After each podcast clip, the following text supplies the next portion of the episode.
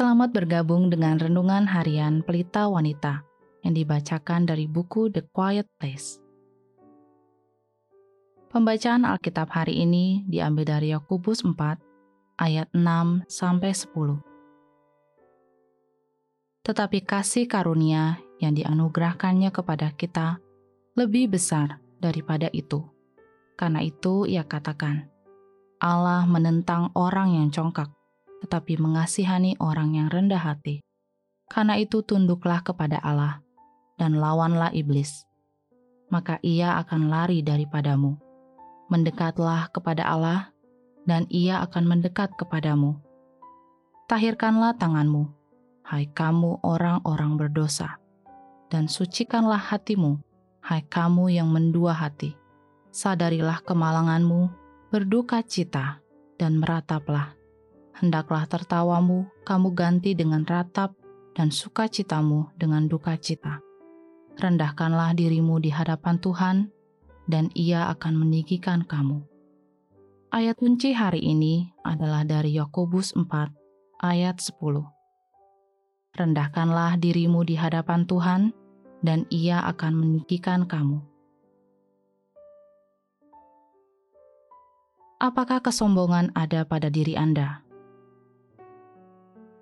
Seorang misionaris di suatu daerah di Afrika, seorang laki-laki yang dipakai secara luar biasa oleh Allah untuk kebangunan rohani, teringat saat ia menyebut, walau hanya sambil lalu, nama salah seorang Kristen lainnya kepada orang-orang percaya dari daerah tersebut.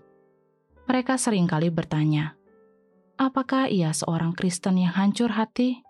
Bukan. Apakah ia seseorang yang berkomitmen? Atau berpengetahuan, atau pekerja keras?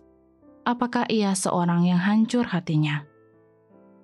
Bagaimana Anda mengetahui jika Anda adalah seorang Kristen yang hancur hatinya?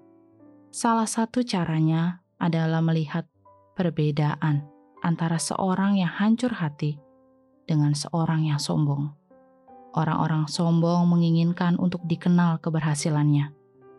Orang-orang yang hancur hati motivasi untuk setia, dan membuat orang lain berhasil. Orang-orang sombong sangat tersanjung oleh pujian dan merasa kecewa jika dikritik.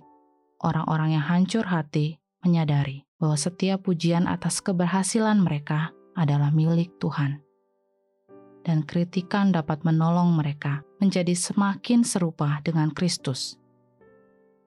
Orang-orang yang sombong menjaga jarak dengan orang lain Orang-orang yang hancur hati bersedia mengambil resiko mendekatkan diri kepada orang lain.